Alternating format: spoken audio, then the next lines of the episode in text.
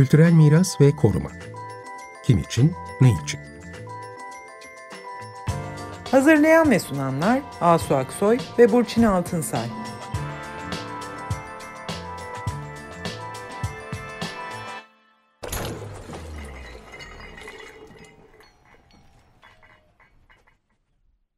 İyi akşamlar, ben Asu Aksoy. Bu akşam 6 Şubat'ta yayınlamak üzere hazırlamış olduğumuz ama deprem felaketi nedeniyle o akşam yayınlamadığımız, ertelediğimiz programı dinleyeceksiniz. Ee, o programda Uludağ Milli Parkı'nın başına gelenleri konuşmuştuk. Konuğumuz TMMOB Bursa İl Koordinasyon Kurulu Sekreteri, Mimarlar Odası Bursa Şubesi Yönetim Kurulu Başkanı Şirin Rodoplu Şimşek. 6 Şubat tarihindeki programımızda Şirin Rodoplu Şimşek ile 18 Ocak 2023'te Uludağ alanı diye ilan edilen bölgede Cumhurbaşkanlığı kararnamesiyle kurulan alan başkanlığını konuşmuştuk. Uludağ Milli Parkı'nın belli bir alanının koruma yetkisi e, Milli Parklar Kanunu gereğince Milli Parklar Müdürlüğü'ndeyken bu son kanun ve kararnamelerle bu yetki Uludağ Alan Başkanlığı'na devredilmişti. Programda da bu yetki devrinin anlamını ve milli park açısından sonuçlarını ele almıştık. 6 Şubat'tan beri yeni gelişmeler oldu. 14 Temmuz'da resmi gazetede yayınlanan yeni bir Cumhurbaşkanlığı kararı ile Bursa'nın Uludağ Milli Parkı'nın Uludağ Alan Başkanlığı'na devredilen 2000 hektarlık kısmı Milli Park statüsünden çıkartıldı. Bu milli park statüsünün dışına çıkartılan alanda kayakçılık için potansiyel alanların bulunduğu ve bu potansiyeli değerlendirmek üzere çalışmalar yapılacağı ifade ediliyor. Milli park statüsünü kaybeden bu alanın yönetimini de e, Uludağ Alan Başkanlığı yapacak. Bunu işte bu akşam e, ayrıntılı ele alıyoruz. Evet. Merhaba, ben Burçin Altınsay. Merhabalar, ben Asu Aksoy. Bu akşam e, Bursa'dayız. Bursa'da e, herkesin bildiği Uludağ'la ilgili bir kararı konuşacağız. Uludağ 2500 metre yüksekliğinde Türkiye'nin en büyük kış ve doğa sporları merkezi. Bir milli park, Uludağ Milli Parkı'nın e, bir kısmı e, geçenlerde bir Cumhurbaşkanlığı kararı ile e, yeni kurulacak Uludağ Alan Başkanlığı'na devredildi. Bu akşam bu kararı konuşmak üzere konuğumuz Şirin Rodoplu Şimşek. Birazdan kendisini tanıtacağım. Buna benzer aslında daha önce çıkmış iki karar var. Bunlardan bir tanesi Kapadokya ile ilgili bir karardı. Yine orada da bir alan başkanlığı kurulması için bir e, karar çıkmıştı. Öbürü de Gelibolu Yarımadası'nda ki tarihi alanı yönetmek üzere bir alan başkanlığı kurmayı öngören bir karardı. Bu alan başkanlıkları çok geniş yetkilerle donatılmış ve e, işte kendi yasaları olan, kendi kurumları olan e, yapılar. E, bir geçtiğimiz programlardan bir tanesinde Kapadokya'daki e, bu alan başkanlığının başlattığı ve oradaki sivil toplum kuruluşlarının tüm itirazlarına rağmen peri bacalarının arasından, kültür varlıklarının dibinden, üstünden neredeyse geçen bir geniş otoyol projesini e, konuşmuştuk. E, şimdi bu akşam da e, bu Uludağ Alan Başkanlığı'nı kuran 74-32 sayılı e, kararı konuşuyoruz. Bu karar diğer iki alan başkanlığı kararı gibi bu bölgedeki tüm taşınmazları, orman sayılan yerleri, Milli Parklar Kanunu tarafından tespit edilen bütün yerleri kurulacak Uludağ Alan Başkanlığı'na tahsis ediyor. Ardından başkanlık bu alanda turizm amaçlı kullanılmasında yarar görülen yerlerin işletilmesi işini Kültür ve Turizm Bakanlığı'na devredebiliyor. Bunları birazdan daha uzun uzun konuşacağız. Yani bu eşsiz aslında alanın korunma yetkisi şu anda Milli Parklar Kanunu gereğince Tarım ve Orman Bakanlığı'ndayken bu bakanlıktan alınıp Kültür ve Turizm Bakanlığı'na aktarılıyor. Bunun gerekçesi de e, buradaki e, ziyaretçiler ve yatırımcılar açısından engeller yarattığı söylenen idareler arası yetki karmaşasını önlemek ve böylece turizmi geliştirmek. Çünkü deniyor ki bu yetki karmaşası ziyaretçileri ve yatırımcıları engelliyor. Bu alan başkanlığı bunu e, önüne geçecek. Böylece turizmde geliştirebileceğiz deniyor. E, şimdi bu şeyle ilgili, bu kararla ilgili e, sivil toplum kuruluşları, Bursa'da gerek Bursa'daki gerek e, Türkiye çapında birçok STK, meslek birlikleri bu karara karşı çıkıyorlar. Bunlar arasında e, TMOB Bursa Mimarlar Odası, TMOB İl Koordinasyon Kurulu bunlar yer alıyor. E, bu akşam da işte Şirin Rodoplu Şimşek'le birlikte bu konuyu konuşuyoruz. Hoş geldiniz e, Şirin Hanım. Hoş geldiniz. Merhabalar. Merhabalar. Sizlerle olmak çok anlamlı benim için de. Çok teşekkür evet. ederim. Şirin Hanım e, serbest mimar, e, TUMOP Bursa İl Koordinasyon Kurulu Sekreteri ve Mimarlar Odası Bursa Şubesi Yönetim Kurulu Başkanı. Evet. E, bu konuda da e, Bursa'daki e, e, STK'lar arası koordinasyonu sağlayan bu konuda bir sürü bildiri, basın açıklaması, duyurusu yayınladılar. Evet, tekrar hoş geldiniz. Hoş bulduk, çok teşekkür ederim. Şirin Hanım, Uludağ tabii hepimiz kış sporlarıyla, kayak merkezi olmasıyla biliyoruz. Belki de Türkiye'deki ilk popüler kültürdeki yeri evet. öyle. Haşmetli bir, bir dağ Uludağ. Genellikle böyle biliniyor ama Uludağ aslında çok eski bir dağ ve bir biyolojik çeşitlilik havzası. Başka özellikleri de var kayak merkezi olmasının dışında. Burada 1320 çeşit bitki, böcek ve çok sayıda e, hayvan, yaban hayvanına da ev sahipliği yapıyormuş Uludağ. Evet. Botanik değerleri, yaban hayatıyla yani hem ulusal hem uluslararası düzeyde önemli doğal alanlarından biri. Ve tarihi de var tabii Uludağ'ın çeşitli bölgelerinde bugün Uludağ diye bildiğimiz yerin 5. yüzyıldan itibaren 50'yi geçen sayıda kilise, manastır olduğu, kurulmuş olduğu biliniyor. Tarihte Olimpos, Oros, Ton, Kalegeron adları verilmiş. Kilise ve manastırlardan dolayı Keşiş Dağı ismi verilmiş. Evliya Çelebi de seyahatnamesinde Ruhban Dağı olarak söz ediyor. 1925 yılında Uludağ adını almış e, burası. Bu değerler Uludağ bu değerlerin ne zaman ve nasıl korunmaya alınmış? Hangi kurum bu değerleri korumakla yükümlü kılınmış? Siz bunları bize kısaca anlatır mısınız? Milli Park statüsü ne demek? Doğal sit alanı neresi Uludağ'ın? Evet, çok teşekkür ederim. Ee, çok da güzel e, anlattınız aslında bizim açımızdan e, önemini. Uludağ'ın sadece tabii e, içerdiği bitki örtüsü ve hayvanları, ekolojisi, canlı türü açısından işte Türkiye'nin genel bildiği turizm bölgesi, işte kayak e, dediğimizde, kış sporları dediğimizde ilk akla gelen turizm bölgelerinden biri olmasının yanı sıra aslında Bursa için çok hayati öneme sahip bir dağ. Şöyle ki Bursa suyunun hemen hemen tamamını barındıran e, tamamının kaynağı olan bir dağdan bahsediyoruz. Bizim yaşam kaynağımız aslında. Gerek yeraltı hmm. suları, gerek yerüstü suları açısından Bursa'yı besleyen bir dağ.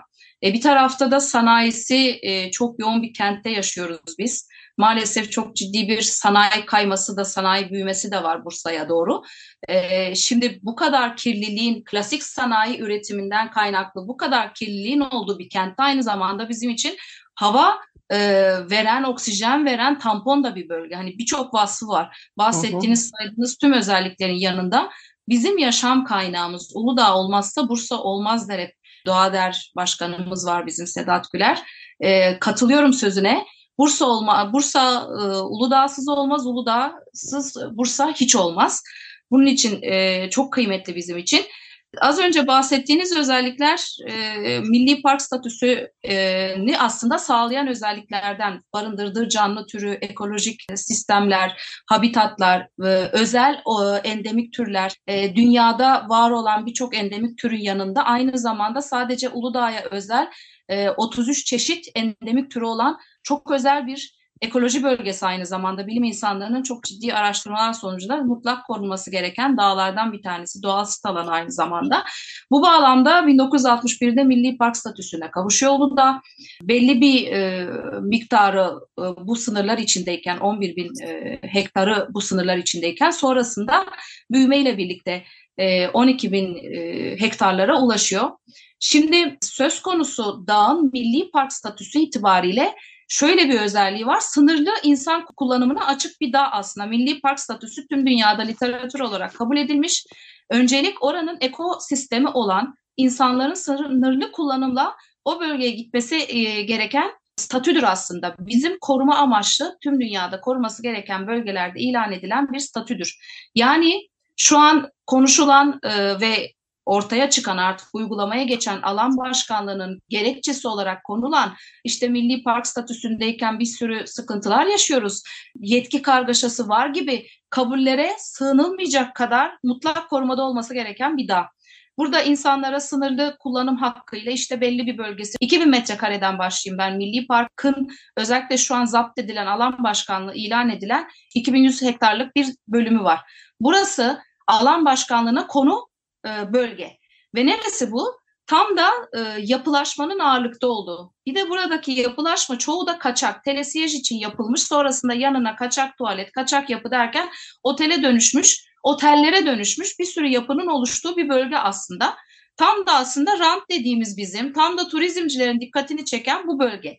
Ama bu bölgenin şöyle çakışan bir tarafı var. Tam da bahsettiğimiz özel endemik türlerin ve su havzalarının olduğu bölgeye de denk geliyor bu alan başkanlığı olarak şu anlık ilan edilen 2000 civarında hektara sahip bu bölge tam da aslında bizim için mutlak da korunması veya kontrollü kullanıma açık olması gereken bir yeri de kapsıyor.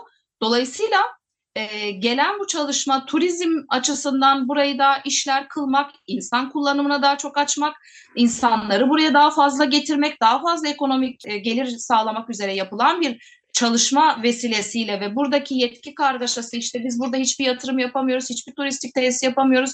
Birçok şeyde planda takılıyoruz, hukuksal süreçlere takılıyoruz. Nitekim burada Bursa Barosu ve ilgili odaların dahil olduğu çok fazla hukuk süreçleri var. E, durdurulan, genişlemesine müsaade etmeyen. Çünkü temel sebep burada koruma, mutlak korumada olması gereken bir bölgenin zaten plan itibariyle büyümesine, yapılaşma açacak plan itibariyle büyümesine müsaade etmedik. Yıllardır bu süre gelen bir durum ki bu kadar müsaade edilmemiş haldeyken bir sürü de kaçak yapının olduğu bir dağdan bahsediyoruz. Dolayısıyla e, Milli Park dediğim gibi tamamen sınırlı kullanıma, insan kullanımına sınırlı bir şekilde açılması gereken, kontrollü kullanımla sadece turistik ve işte doğal olarak yararlanılması gereken bir bölgeyken, hadi artık marka olmuş bir turizm, e, kış sporları itibariyle mevcut düzende belki korunarak devam etmesi gerekirken maalesef esnetilen bir yasayla şu an e, akıbetinin ne olacağını bilmediğimiz ve çok da endişe ettiğimiz bir yasayla bambaşka bir işletmeye, bambaşka bir statüye e, geçmiş oldu. Ve hepimiz ürküyoruz açıkçası. Bu süreç içinde biz e, demin siz de geçtiniz e, anmak isterim.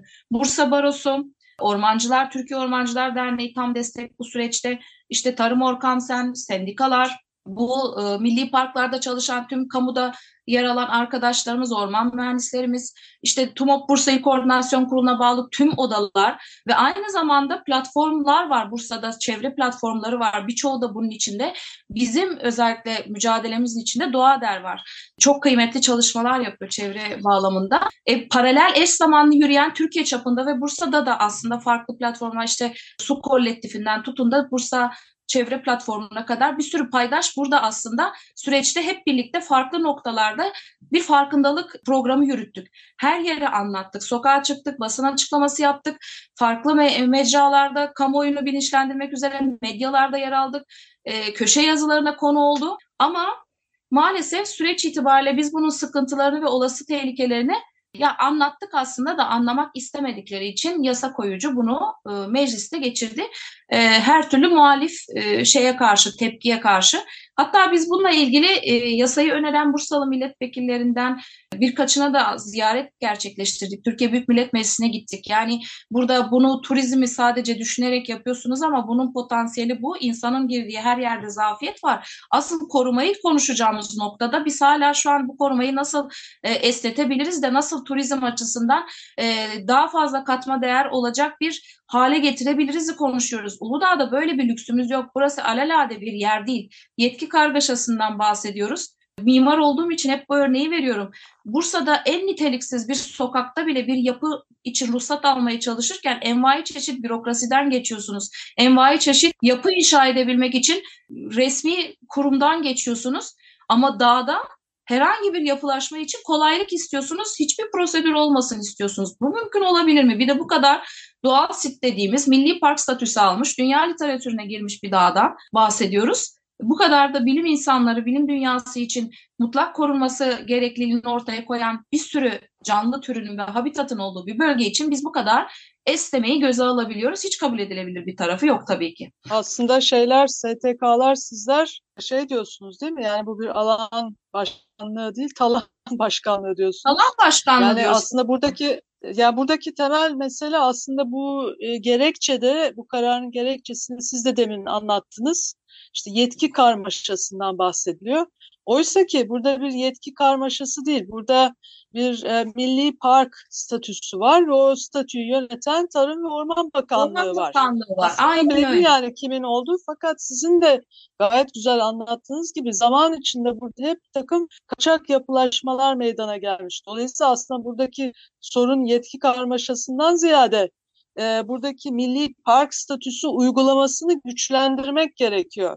Yani çünkü buranın sizin de dediğiniz gibi Evet. korunması gerekiyor. Korunması için de bu korumayla yükümlü olan idarenin güçlü kılınması gerekiyor. Oysa ki e, bu şey e, karar e, ne diyor? Yetki karmaşasından dolayı bu bürokratik süreçleri yani davaları engellemek, e, tabii, itiraz tabii. edenleri engelleyip Plan tek- yapmayı kolaylaştırmak, tek yere indirgemek. Şu an Evet. plan yapma hakkı dahi alan başkanlığında. Herhangi bir genişleme, yapı yapmak üzere tüm plan yapma kararları e, alan başkanlığında oldu ve hatta bu söz konusu 2100 hektarlık alanın da büyümesi için, sınırların daha da genişleyebilmesi için de tüm karar merci yine alan başkanlığı oldu. Yani alan başkanlığının yetkileri nasıl Evet. organize edilmiş? Yani kimler var kurulunda mesela? Dediğiniz gibi yani o kaçak yapılaşmayı temizlemek yerine tam aksine oradaki doğal değerleri korumak üzere bunları temizlemek yerine galiba oraya daha farklı şeylerin gelmesi isteniyor. Nasıl yetkileri var? Nasıl kurgulanmış alan başkanlığı sistemi? Şimdi e, aynen söylediğiniz gibi normal şartlarda burada tek yetkili Tarım ve Orman Bakanlığı ve bunun e, bölgesel e, işlerini yürüten milli parklar e, müdürlükleriyken, il müdürlüğüyken mesela e, biz Tarım e, Ormancılar Derneği'nden de çok e, hep milli parklarda çalışmış e, duayenler ve e, orman mühendisleri vardı. Çok önemli bir noktaya da değindiler. Hepsi milli parklarda yıllarca emek vermiş, oradan emekli olmuş orman mühendisleri. Çok önemli tespitleri oldu. Milli parklar az önce çok güzel söylediniz. Güçlendirilmesi gereken kadro itibariyle tüm oradaki işleri yürütecek bir idare nihayetinde milli parklar. İşte Bursa'da 17-18 tane personelle çalışan bir milli parklar var. Halbuki Bursa için daha önce eylem planları yapıldığını ve işte en az 80 küsür personelin burada çalışması gerektiği. Çünkü buranın hem idari hem e, kolluk kısmını yürütenin milli parklardaki e, görevlilerin olduğu da söylendiğinde biz burayı güçlendirmek yerine aslında burası zaten yetki itibariyle işini tam yapmıyor bahanesiyle güçlü kılınacak mekanizmayı tamamen bertaraf eden bir sisteme geçmiş oldu. Şimdi burada milli parklara yardımcı organlar, belediyeler, işte DSİ, e, Devlet Su İşleri, bu Bursa Büyükşehir Belediyesi'nin birimleri, e, buna paralel bir sürü e, ilçe belediyesi var. Bunu desteklemek ve milli parkları güçlü kılmakla yükümlü yardımcı kurullar bunlar aslında. Burada hiçbir yetki kargaşası yok. Tek yetkili milli parklarken bu bahaneyle, bu gerekçeyle, bu algı yönetimiyle maalesef bunu meşru kılmaya çalıştılar. Şimdi yeni gelen başkanlıkta iki tane oluşum var. Birisi komisyon, karar verici komisyon bir de bu komisyona danışmanlık edecek bir kurul var. Aslında komisyonun tüm kararlarını belirleyecek olan danışma kurulu.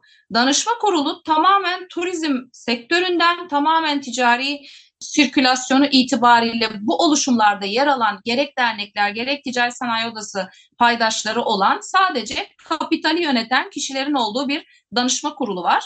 Bunun danışmanlık edeceği de asıl karar ve oylamada yer alacak bir de komisyon var. Komisyonda işte ilçe belediyesi, kuruldan, e, korum, Kültür Bakanlığı'ndan bir kişi vesaire vesaire çok sınırlı bir karar verici aslında talimatla çalışacak. Asla memur olma vasfıyla çok ciddi direnç gösteremeyecek.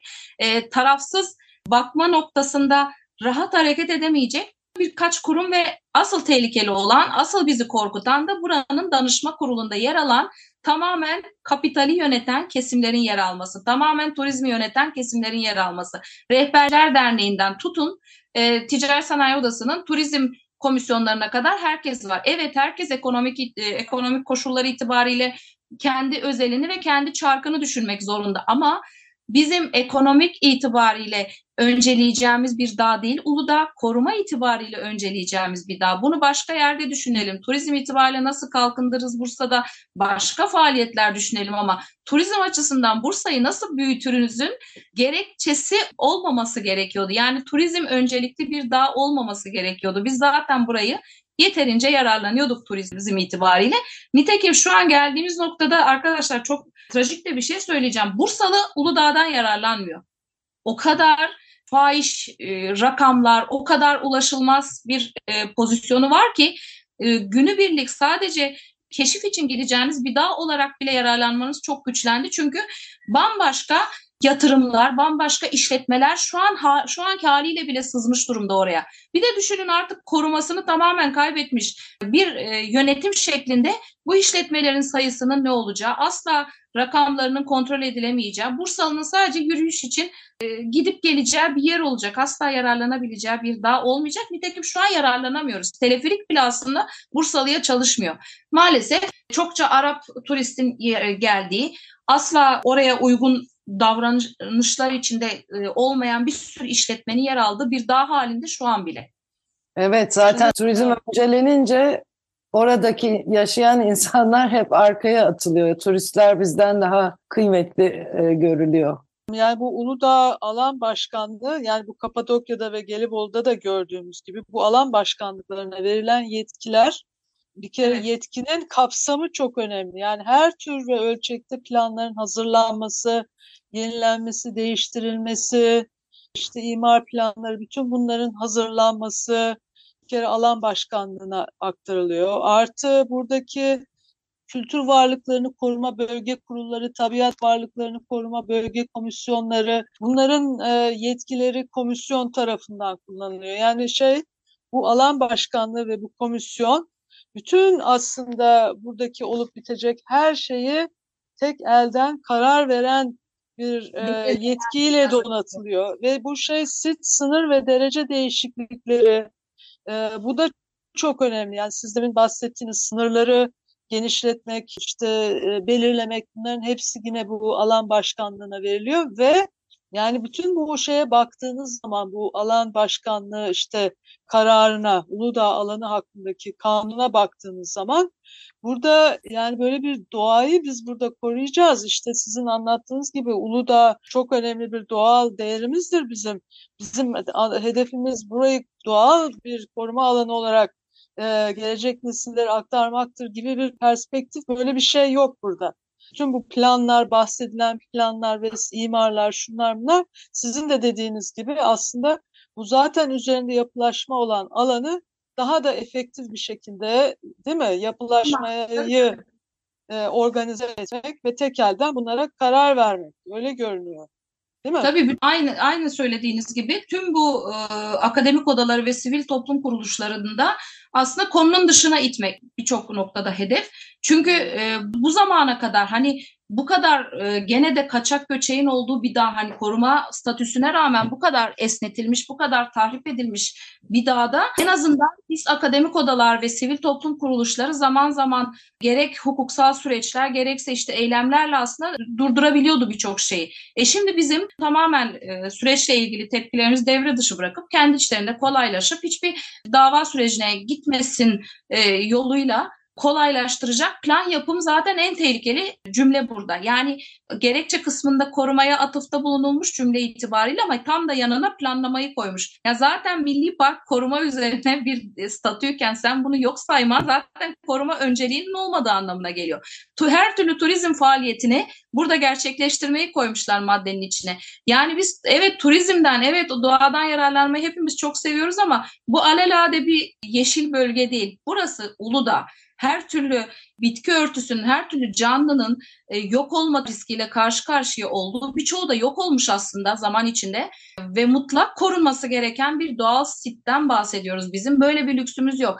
Macera parkı koyup oraya ağaçların üstüne o kuşları korkutma ve hatta yok etme pahasına orada sınırsızca eğlenme lüksümüz yok. Veya işte sırf kış sporu yapacağız diye endemik türlerin üzerine telesiyeş e, inşaatı yapma lüksümüz yok. Veya işte sırf oraya erişimimiz konforlu olacak diye envai çeşit teleferik e, modernizasyonuyla oradaki ekolojiyi yok etme şansımız yok. Burada her şey çok kontrollü olması lazım. Çünkü bahsettiğim gibi burası yaşam da aynı zamanda. Hani tarihi ve kültürel ve doğal güzellikleri bir yana yaşam da buradaki ekoloji biterse, burada canlıların biterse denge zaten ekolojik dengenin bozulması buradaki tüm yaşamsal faaliyetlerin durması anlamına geliyor. Çok yakın tarihe kadar 15 gün öncesine kadar kar yoktu Uludağ'da biliyor musunuz? O kadar Evet. bitmiş durum zaten. Biz aksine burayı daha sınırlandırıp korumanın metotlarını konuşup kendi içimizde daha sınırlı nasıl yararlanabiliriz, daha nasıl uygulanabilir çözümler getirebiliriz koruma bağlamında diye düşünmek yerine